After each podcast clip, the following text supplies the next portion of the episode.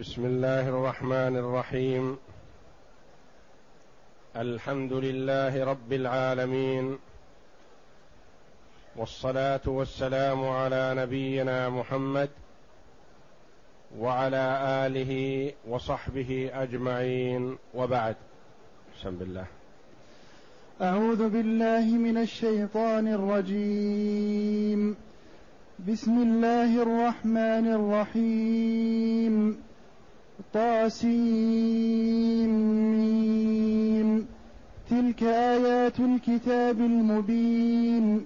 نتلو عليك من نبأ موسى وفرعون بالحق لقوم يؤمنون. إن فرعون علا في الأرض وجعل أهلها شيعا يستضعف طائفة منهم ويذبح أبناءهم ۖ يستضعف طائفة منهم يذبح أبناءهم ويستحيي نساءهم إنه كان من المفسدين. ونريد أن نمن على الذين استضعفوا في الأرض ونجعلهم أئمة ونجعلهم الوارثين. ونمكن لهم في الأرض ونري فرعون وهامان وجنودهما منهم ما كانوا يحذرون. وأوحينا إلى أم موسى أن أرضعيه فإذا خفت عليه فألقيه في اليم ولا تخافي ولا تخافي ولا تحزني. إنا رادوه إليك وجاعلوه من المرسلين فالتقطه آل فرعون ليكون لهم عدوا وحزنا إن فرعون وهامان وجنودهما كانوا خاطئين وقالت امرأة فرعون قرة عين لي ولك لا تقتلوه عسى أن ينفعنا عسى أن ينفعنا أو نتخذه ولدا وهم لا يشعرون. وأصبح فؤاد أم موسى فارغا إن كادت لتبدي به لولا أن ربطنا على قلبها لتكون من المؤمنين. وقالت لأخته قصيه فبصرت به عن جنب وهم لا يشعرون وحرمنا عليه المراضع من قبل فقالت هل أدلكم هل أدلكم على أهل بيت يكفلونه لكم وهم له ناصحون فرددناه إلى أمه كي تقر عينها ولا تحزن ولتعلم أن وعد الله حق ولكن أكثرهم لا يعلمون. يقول الله جل وعلا في هذه السورة العظيمة التي هي سورة القصص بسم الله الرحمن الرحيم. طاسيم تلك آيات الكتاب المبين. وهذه السورة من السور المكية التي أنزلها الله جل وعلا لتثبيت التوحيد والعقيدة الصحيحة. فيها آية أو أكثر مدنية نزلت في المدينة. وتقدم الكلام أكثر من مرة على الحروف المقطعة في أوائل السور. من السلف رحمهم الله من قال الله أعلم بمراده بذلك فلا نخوض في تفسيرها. ومن السلف رحمهم الله من قال أنزلها الله جل وعلا للتحدي. وتحدي العرب بأن هذا القرآن الذي عجزتم عن الإتيان بمثله أو بعشر سور من مثله أو بسورة واحدة من مثله هو مركب من هذه الحروف التي تعرفونها وتنطقون بها. وقيل إن هذه الحروف ترمز إلى أسماء إلى أسماء الله جل وعلا أو إلى أسماء أماكن مقدسة وقيل غير ذلك فالله جل وعلا أعلم بمراده بذلك. تلك آيات الكتاب المبين. تلك اسم إشارة أي هذه. ما اشتملت عليه هذه السورة آيات الكتاب المبين. المبين للحلال والحرام. المبين لصدق محمد صلى الله عليه وسلم. المبين لشؤون الدنيا المبين لما يجب اعتقاده المبين لعقيدة التوحيد الصحيحة المبين لما يحتاجه البشر في أمور دينهم ودنياهم. تلك آيات الكتاب المبين نتلو عليك من نبأ موسى وفرعون بالحق لقوم يؤمنون. نتلو عليك نقص عليك. من نبأ خبر موسى عليه الصلاة والسلام وفرعون لعنه الله. والنبأ هو الخبر المهم. كما قال الله جل وعلا عما يتساءلون عن النبأ العظيم. نتلو عليك من نبأ موسى وفرعون بالحق أي بالصدق. واليقين الذي لا شك فيه ولا مرية فيه وليس من باب الحكاية التي أدخل عليها أشياء صحيح وأشياء غير صحيحة وإنما هي بالحق بالشيء الثابت يقينا لا مرية فيه. لقوم يؤمنون يؤمنون بالله جل وعلا ويؤمنون برسوله صلى الله عليه وسلم ويقبلون ما جاء عن الله جل وعلا وما جاء عن رسوله صلى الله عليه وسلم عن إيمان ويقين وقناعة وقبول لا شك فيه. فما يأتي عن الله جل وعلا وعن رسوله صلى الله عليه وسلم فلا شك فيه ولا مرية فيه بل هو حق وصدق يقينا ويجب اعتقاد ذلك. ومن لم يجزم بيقين ذلك ففيه شيء من الشك والنفاق والعياذ بالله بحسب ما ينطوي عليه قلبه من عدم اليقين. إن فرعون علا في الأرض تجبر وتعاظم وتكبر حتى إنه قال ما علمت لكم من إله غيري حتى إنه قال أنا ربكم الأعلى فيه من تجبر من الخلق بأن ادعى الرسالة وهو كاذب.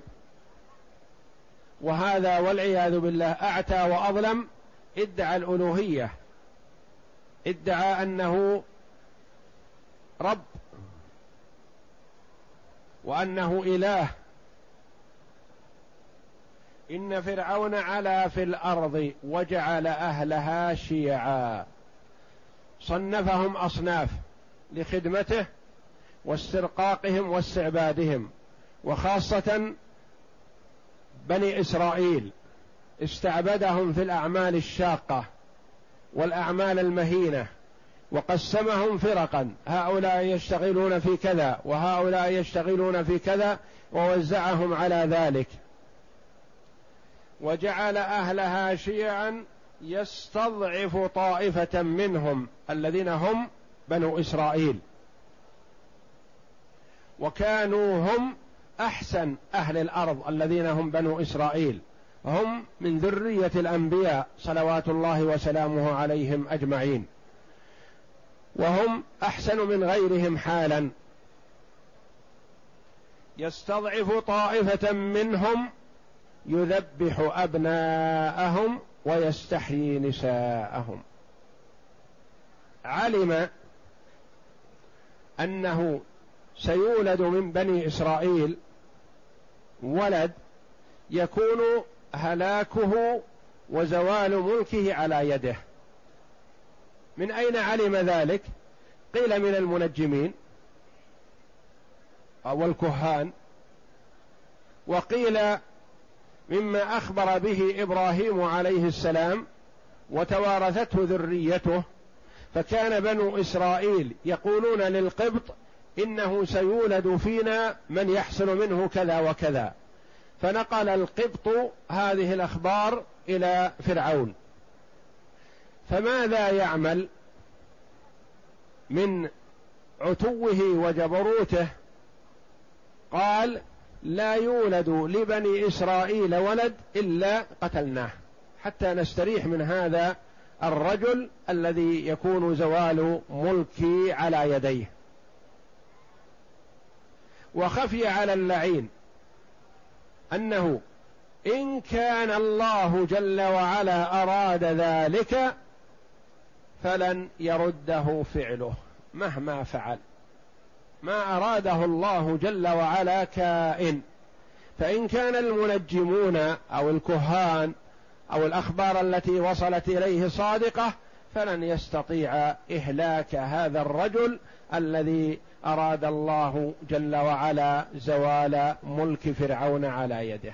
لن يستطيع ذلك ابدا. وإن كان هذا الخبر كذب فلا فائدة في تقتيل بني إسرائيل. لكنه غير مبال بهم. ولا يهمه أن يقتل منهم الآلاف. ومئات الآلاف. لا يهمه ذلك لأنهم لا قيمة لهم عنده. يذبح أبناءهم فأمر بقتل كل مولود ذكر لبني إسرائيل. فجاء القبط لفرعون وقالوا كيف صنعت؟ أو تشاوروا هم فيما قبل ذلك؟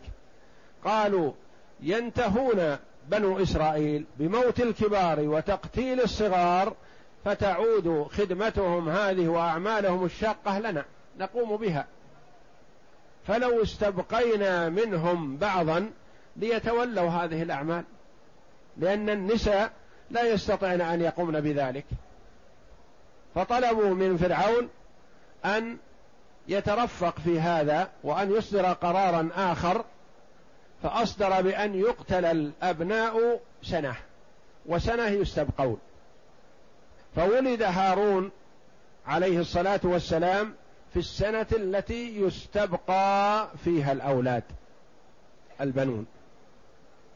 وولد موسى عليه الصلاة والسلام في السنة التي يقتل فيها الأبناء من بني إسرائيل.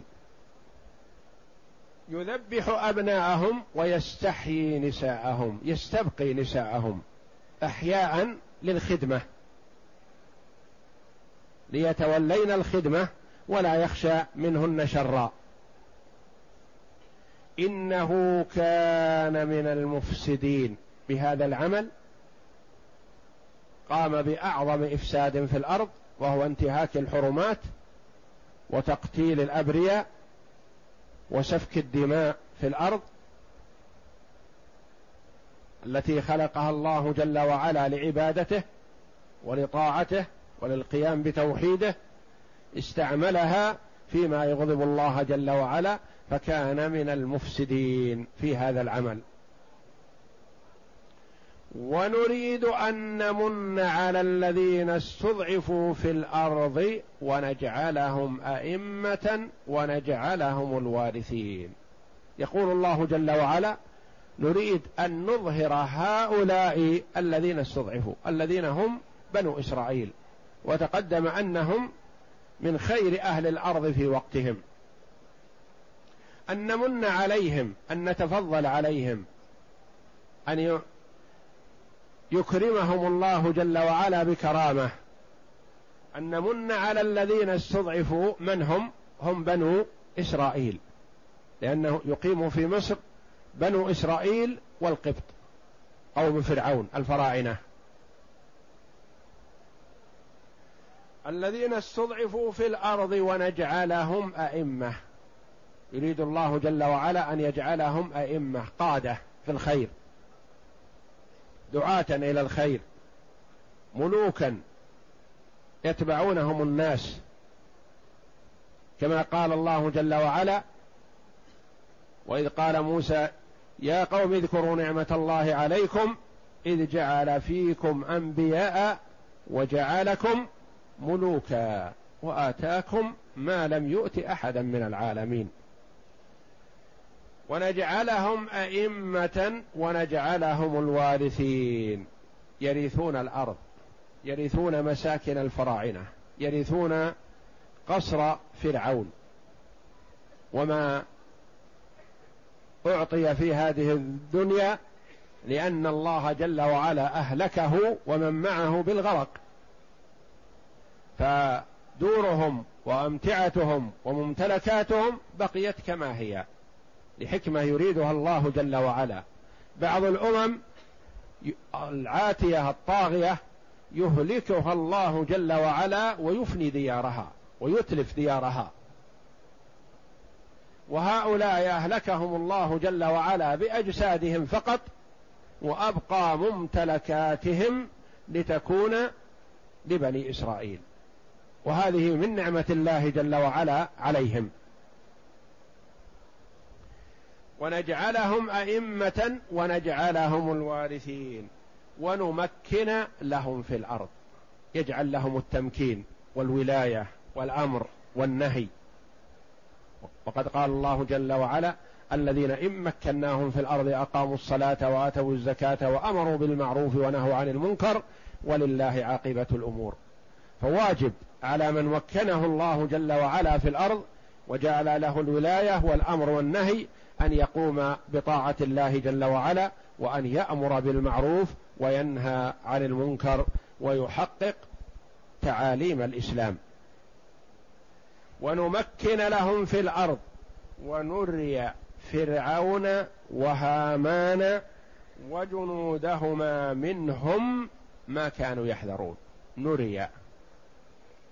يري الله جل وعلا فرعون أنه مهما عمل من الأعمال ليتفادى هذا الرجل الذي زوال ملكه على يديه يريه الله جل وعلا أنه لن يصنع شيئا مهما قتل ومهما سفك ومهما فعل من الإفساد في الأرض. ونري فرعون وهامان وزيره وجنودهما القبط الفراعنة قومه. منهم من هم يعني من بني إسرائيل. نريهم من بني إسرائيل. ما كانوا يحذرون هم كانوا يخافون من زوال ملكهم على يديهم. أراهم الله جل وعلا ذلك عيانا بيانا لا مرية فيه. ونري فرعون وهامان وجنودهما منهم ما كانوا يحذرون الذي كانوا يحذرونه. وما هذه اسم موصول بمعنى الذي وهي في محل المفعول الثاني لنري. نري فرعون هو المفعول الأول. وأوحينا إلى أم موسى أن أرضعيه. أوحى الله جل وعلا إلى أم موسى. ما هذا الوحي؟ قيل رؤيا منام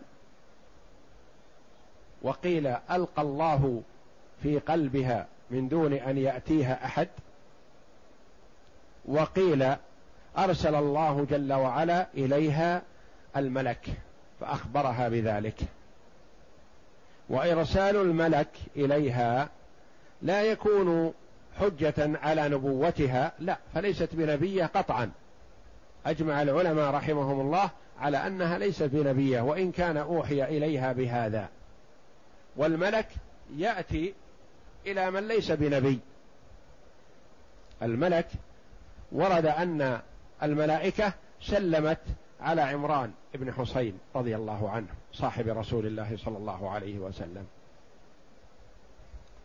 وجاءت وجاء الملك إلى الرجل الأقرع والأبرص والأعمى كما في الحديث الصحيح في الصحيحين. أرسل الله جل وعلا إلى كل واحد منهم إلى أرسل ملك يسأله ماذا يتمنى فأعطاه ما تمنى ثم أرسله إليه مرة أخرى يسأله شيئا من متاع الدنيا كما هو ثابت في الحديث في الصحيحين. فالملك يأتي إلى الرجل ولا يلزم من إتيان الملك إلى الرجل أو المرأة أن يكون ذلك نبوة. وأوحينا إلى أم موسى. أم موسى هذه والدها جده يعقوب عليهم الصلاة والسلام. إلى أم موسى أن أرضعيه.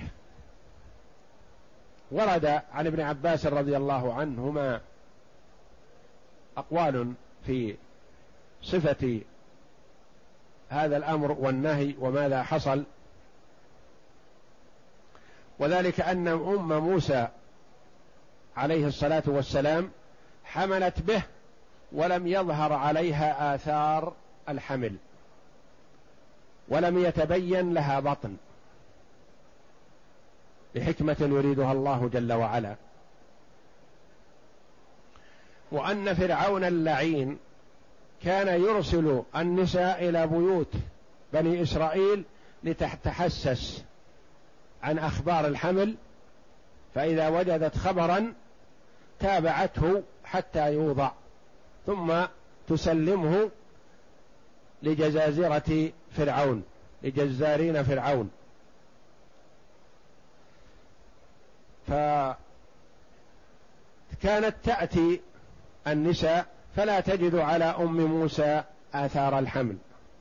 وروي أنها رأت آثار الحمل ولكنها أحبت المرأة وصادقتها فلم تخبر بها. فلما ولدته ربما حضرت القابلة على قول وأخفت الأمر و أو لم يحضرها أحد ولدته ليلا. فأمرها الله جل وعلا بهذا الوحي أن ترضعه. فكانت ترضعه وتخاف عليه من الفراعنة تخاف عليه من فرعون وجنوده ليقتلوه كما قتلوا غيره من أبناء بني إسرائيل. فقال الله جل وعلا لها أنا أرضعيه. فإذا خفت عليه فألقيه في اليم. فألقيه في اليم. أن أرضعيه. فإذا خفتي عليه فألقيه في اليم. ولا تخافي. ولا تحزني. إنا رادوه إليك وجاعلوه من المرسلين. هذه الأوامر والنواهي والبشارات في جزء من آية من كتاب الله جل وعلا.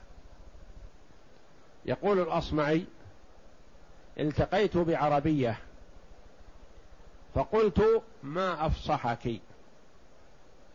فقالت وهل بعد آية من كتاب الله فصاحه؟ لا يوجد أفصح منها. آية من كتاب الله فيها أمران ونهيان وبشارتان. أن أرضعيه فإذا خفت عليه فألقيه.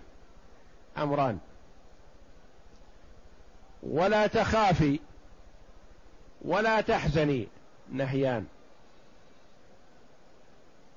إنا رادوه إليك بشارة. وجاعلوه من المرسلين بشارة. بشارتان. أن أرضعيه فإذا خفت عليه فألقيه في اليم. ورد أن الجزازرة دخلوا عليها حال ولادته ليبحثوا عن المولود. فلفته ووضعته في التنور لتخفيه عنهم. وكان مسجرا بالنار. ذهلت. فوضعت موسى عليه الصلاة والسلام في التنور فوق النار لأنها رأت أنه أخفى مكان يختفي عن الأعين أعين الداخلين. ونسيت أن التنور كان مسجر بالنار. فوضعته في التنور فدخل الجزارون فالتفتوا وبحثوا فلم يجدوا شيء والتنور موقد بالنار. وخرجوا. فأخذت تتلفت أين ابنها؟ لأنها تعلم أنها أخفته لكن لا تدري أين وضعته من هول الأمر. فلم تعلم إلا ببكائه دل على نفسه فوجدته موضوعا فوق التنور وهو مسجر بالنار ولم تمسه النار بسوء. والله أعلم. فقال الله جل وعلا لها فإذا خفت عليه فألقيه في اليم. كل ما جاءها من تخاف منه أخفته. فأمرت بأن تجعله في اليم. انظر. النجاة فيما يتوقع فيه الهلاك. والهلاك فيما يتجبر به المتجبر. فرعون تجبر وتكبر بالمياه وهذه الأنهار تجري من تحتي أفلا تبصرون؟ فصار هلاكه فيها البحر. وموسى عليه الصلاة والسلام نجاه الله جل وعلا في البحر. فإذا خفت عليه فألقيه في اليم. صنعت له تابوت صندوق ووضعت فوق في الصندوق مهدا فحينما خافت وكانت دارها على البحر على على النيل فكانت إذا خافت وضعته في صندوق وأطلقته في البحر وربطت الصندوق هذا بحبل.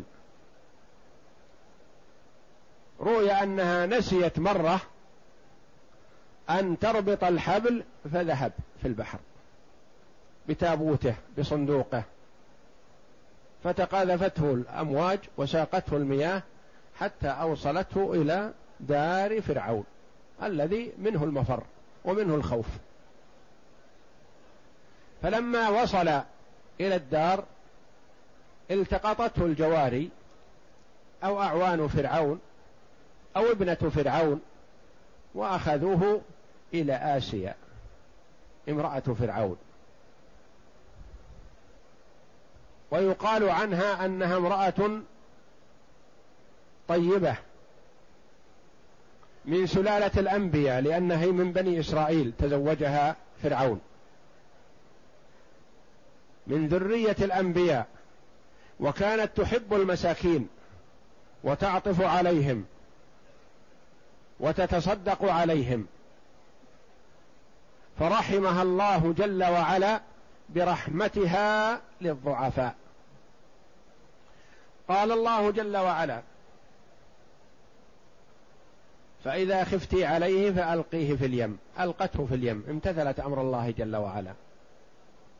ولا تخافي لا تخافي عليه. لا تخافي عليه من الغرق ولا من الهلاك. ولا تحزني بفقده. لا تخافي عليه الهلاك ولا تحزني بفقده. إن رادوه إليك. بشارة. سيرجع إليك حتى وإن ذهب. وجاعلوه من المرسلين. جاعلوه رسول من رب العالمين إلى الناس. قال الله جل وعلا فالتقطه آل فرعون. الالتقاط هو أخذ الشيء بدون أن يكون المرء قاصدا ذلك أو باحثا عنه. كما في اللقطة. اللقطة أنت ماشي في طريقك مثلا فتجدها. ما خرجت لتبحث عنها؟ فالتقطه آل فرعون. أخذوه بدون أن يبحثوا عن ذلك لأنه وجاءهم في حافة دارهم. فالتقطه آل فرعون ليكون لهم عدوا وحزنا.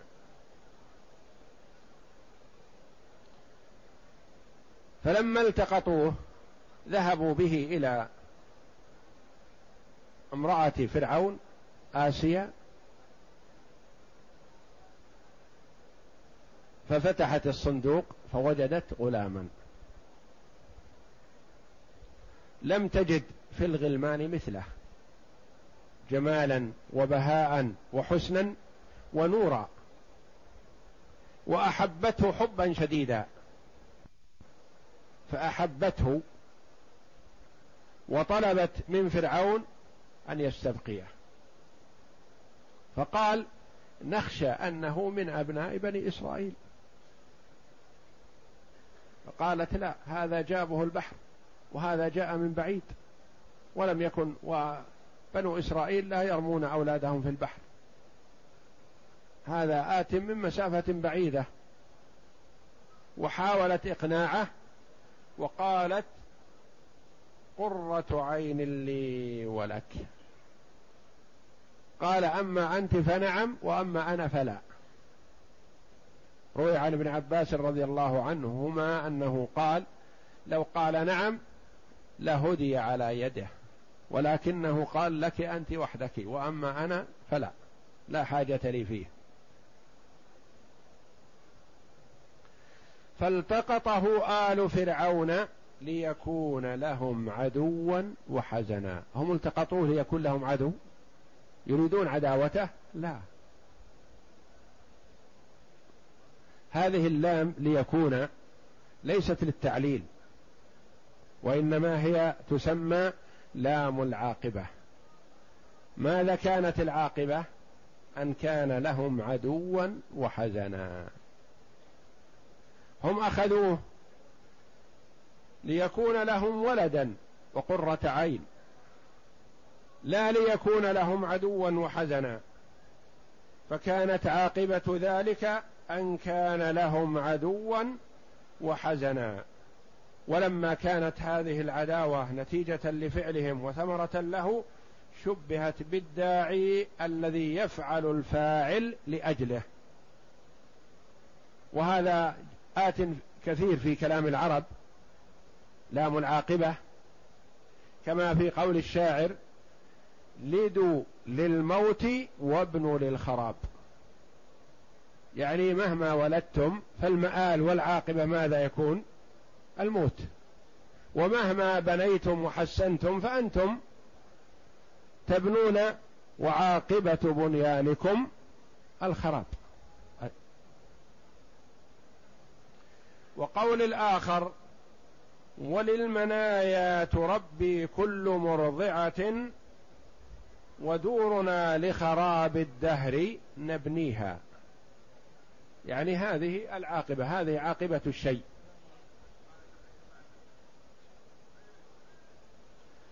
فالتقطه آل فرعون ليكون لهم عدوا وحزنا. كانت هذه النتيجة. التقطوه وربوه وقاموا عليه وعطفوا عليه واستأجروا أمه لإرضاعه وأغدقوا عليها الهدايا والتحف من أجل أن تتولاه وأصبحت النتيجة أن كان عدوا لهم وحزنا.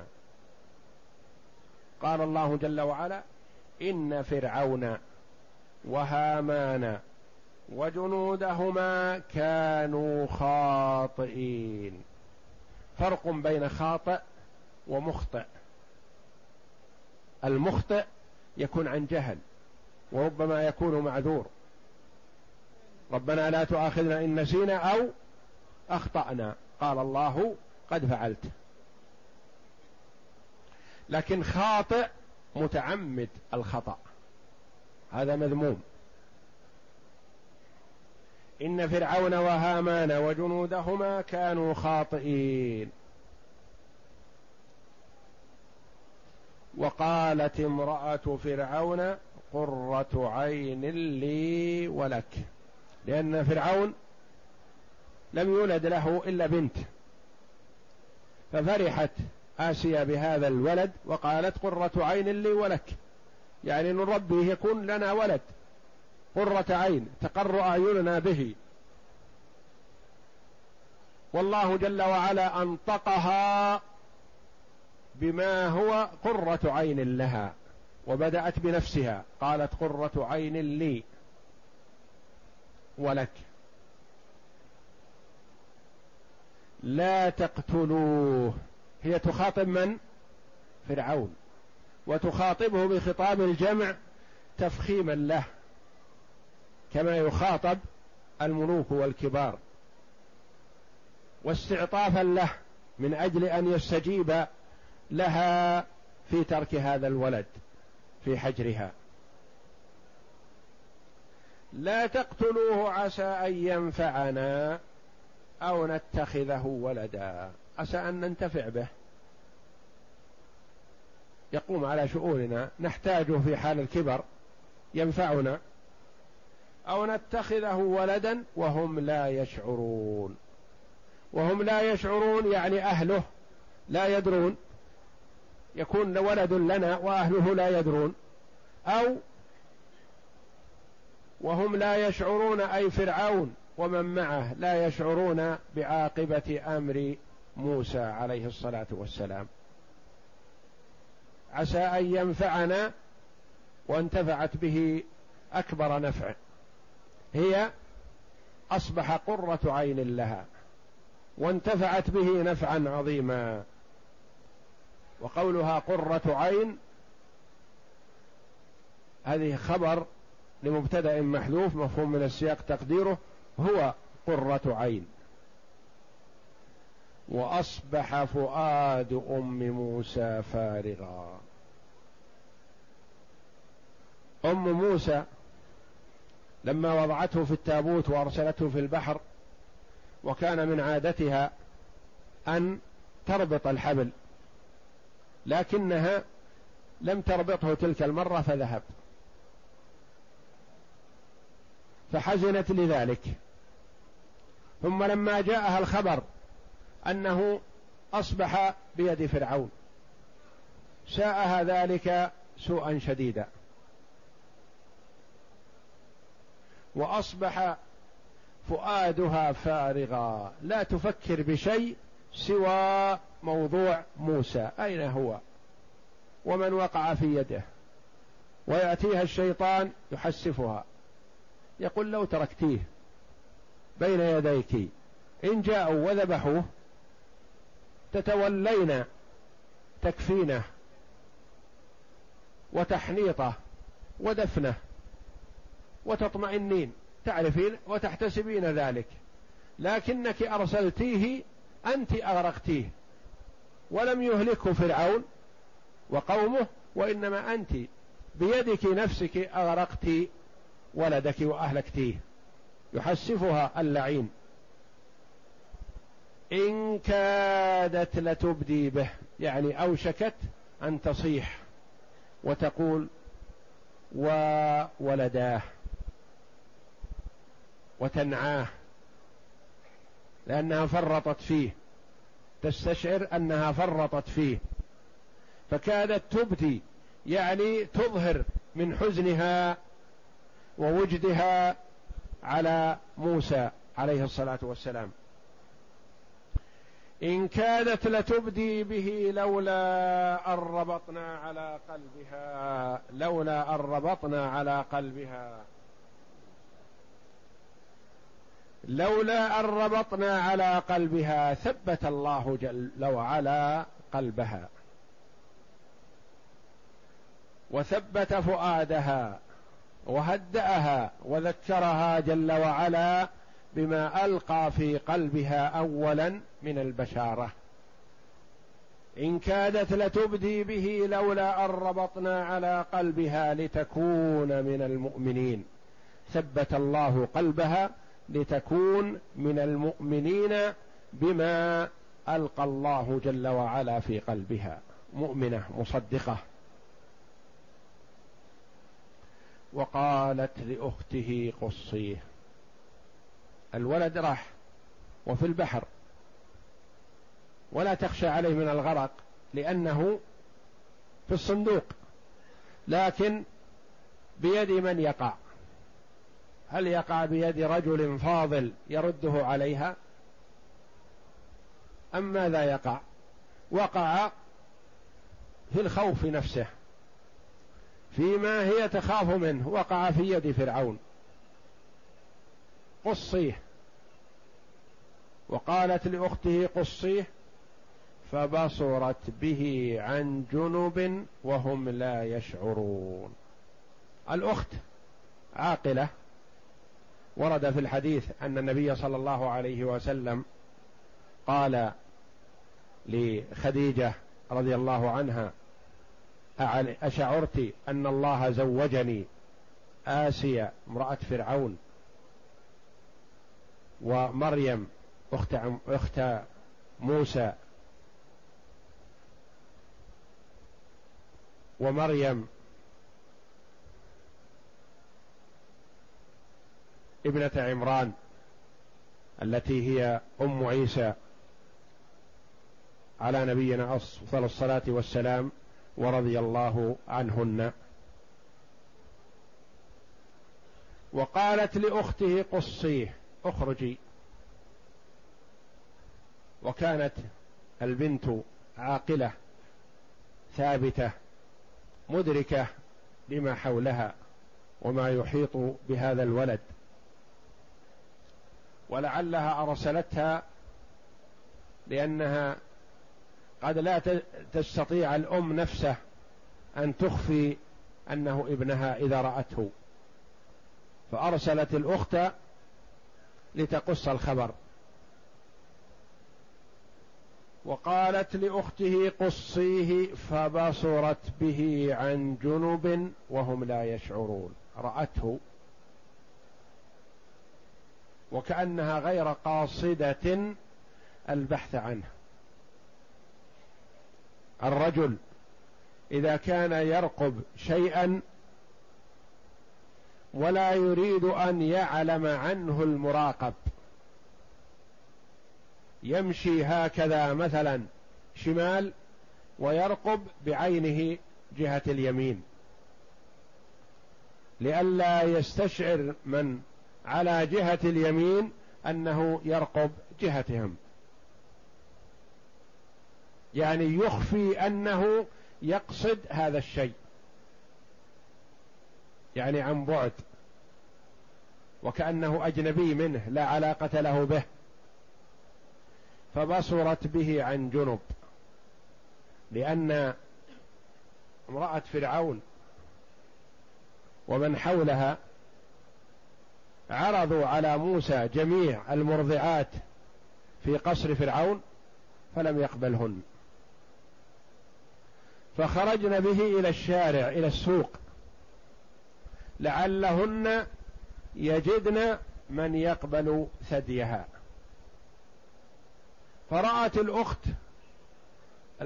الجماعة من النساء مجتمعات ومعهن هذا الرضيع فقربت منهن.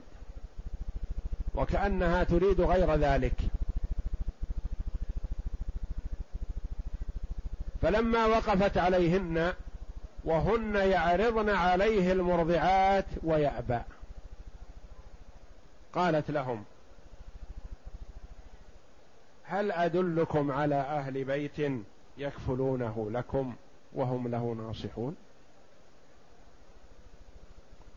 قالوا اقبضوا عليها. هذه الذي نبحث عنها. ما علاقتك بهذا الولد؟ ما قلت هذا القول إلا لأن لك فيه علاقة والا ما معنى كونهم له ناصحون وهم لا يعرفونه فخشيت أن تكون وقعت وأشعرت. فقالت لا أنا لا أعرفه. وإنما أعلم أن أهلي يحبون خدمة الملك بما يسره ولكون الملك يسره أن يرضع هذا الولد فنحن ننصح له خدمة للملك. قالوا سلمتي أخرجي. خرجوها. فعرضوا عليه المرضعات فأبى. فأخذوا بيدها وقالوا دلينا على من تريدين أن يرضعه وينصح له. فذهبت مسرورة إلى أمها وأخذت بيدها وذهبت بها إلى الصبي وهو عند امرأة فرعون. فأخذته أمه ووضعته في حجرها فالتقم ثديها بسرعة. وبدأ يرضع وكان منذ سبعة أيام أو أكثر لم يرضع. فسرت بذلك امرأة فرعون سرورا عظيما حيث وجدت لهذا الرضيع من يرضعه. يقول الله جل وعلا وحرمنا عليه المراضع من قبل. الله جل وعلا قدر قضاء وقدرا لا تحريما شرعيا فلا يحرم عليه المرضعات شرعا وإنما قدر قضاء وقدرا ألا يرضع هذا الذي هو موسى إلا من أمه. وحرمنا عليه المراضع من قبل ما هو الان قضاء وقدر. فقالت الأخت هل أدلكم على أهل بيت يكفلونه لكم وهم له ناصحون؟ فجاءت بأمها فالتقم ثديها فقالوا لها كيف امتنع هذا الرضيع عن كل المرضعات وقبل ثديك؟ أكيد أنك أنت لك به علاقة. أنت أمه. ومن أين هذا اللبن فيك؟ قالت هذا اللبن من ولد هارون الذي ولد العام الماضي. وهذا لا أعرفه لكني أنا أعرف من نفسي أنني طيبة الرائحه طيبة اللبن ولا يعرض ثديي على صبي ويرده إطلاقا وصبيكم هذا من ضمنهم. لا يعرض ثديي على صبي فيرده. لأني طيبة اللبن طيبة الرائحة. تقول أنا معروفة من قديم. ليس من اليوم. كل صبي يعرض عليه ثدي يلتقمه. وليس المقصود هذا وحده. لتبعد الشك فيها. فرددناه إلى أمه. طيب. استأجروها لإرضاعه. لما تبين لهم أنه لن يقبل ثديا غيرها استأجروها لإرضاعه. فصاروا يعطونها في كل يوم دينار. وأغدقوا عليها الهدايا. قال العلماء رحمهم الله كيف ساغ لأم موسى أن تأخذ الإجرة على أرضاع ولدها؟ هل يحل لها ذلك شرعا؟ قالوا نعم. يحل لها ذلك لا تأخذه على سبيل الأجرة وإنما تأخذه لأن هذا مال عدو حربي فتأخذه استحلالا للمال الحربي لأن مال الحرب حلال وهو حرب لبني إسرائيل. فرعون. فرددناه إلى أمه كي تقر عينها. سرت بذلك. ولا تحزن. لا تخف. رد إليها. أعطوه إياها. ولم يقولوا لها تعالي ارضعيه عندنا. قالت أنا ناصحة له. واعطوني إياه أذهب به إلى داري. قالوا تجلسين معنا أنت وإياه. قالت لا أستطيع. أنا ذات زوج ولي أولاد فلن أهملهم. فإن قبلتم أن تدفعوه إلي وأنا ناصحة له وإن لا فلا. فلن أجلس معكم. وذلك والله أعلم. ليكمل سرورها بذلك لترضعه وليبقى عندها معها في دارها وبين أولادها. فرددناه إلى أمه كي تقر عينها ولا تحزن. كي تقر عينها ولا تحزن. لا يصيبها الحزن ولا الخوف عليه. ولتعلم أن وعد الله حق. فالله جل وعدها سابقا إن رادوه إليك. ففرحت به فرحا شديدا وهذه وهذا تحقيق للبشارة الأولى وترجو من الله البشارة الأخرى وقد حققها الله جل وعلا.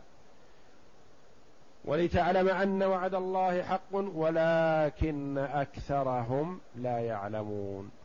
ولكن أكثرهم يعني بني إسرائيل أو الفراعنه أو الناس عامة لا يعلمون ويؤمنون بأن وعد الله حق ووعد الله لا يخلفه جل وعلا.